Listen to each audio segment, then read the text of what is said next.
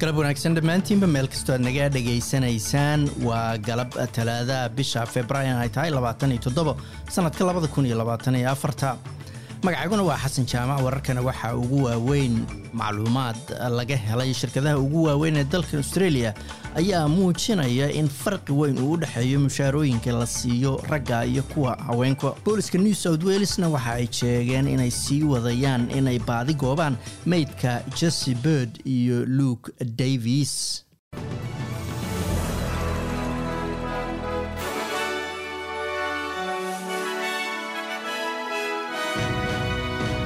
macluumaad ku saabsan farqiga mushaar ee ragga iyo haweenka oo ay bixiyaan shirkadaha ugu waaweyn dalkan australia ayaa bannaanka la soo dhigay markii ugu horreysay taariikhda iyadoo hay'adaha gaadiidka kuwa dhismaha iyo kuwa macdanta qoda ay yihiin kuwa ugu daran oo markaasu farqigu uu aada u badan yahay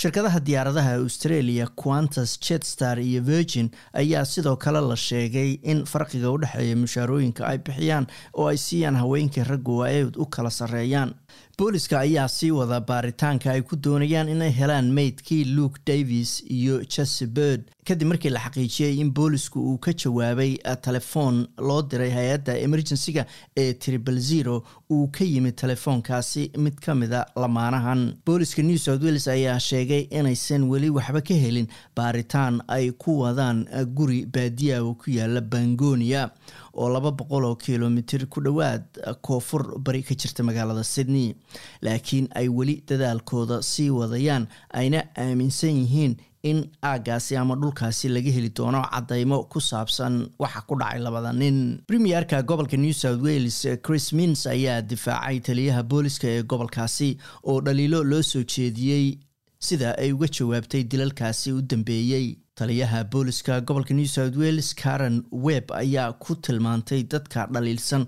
kuwo nacayb ka buuxo.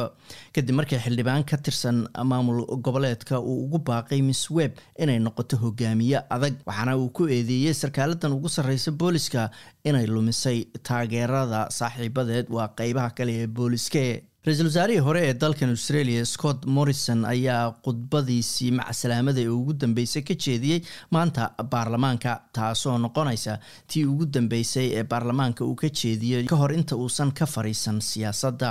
Mer morrison ayaa khudbadaasi jeediyey maanta oo bishu labaatan iyo toddoba ahayd taasina waxay soo afjaraysaa lix iyo toban sano oo uu xildhibaan ka ahaa baarlamaanka federaalka. Madaxweynaha mareykanka joe biden ayaa sheegay inuu rajaynayo in xabad joojin dhex marta israa'iil iyo xamaas ay gaaza ka hirgasho dhammaadka toddobaadkan. Wadahadalka ayaa mar kale dib uga bilowday ayaa la yiri dalka qatar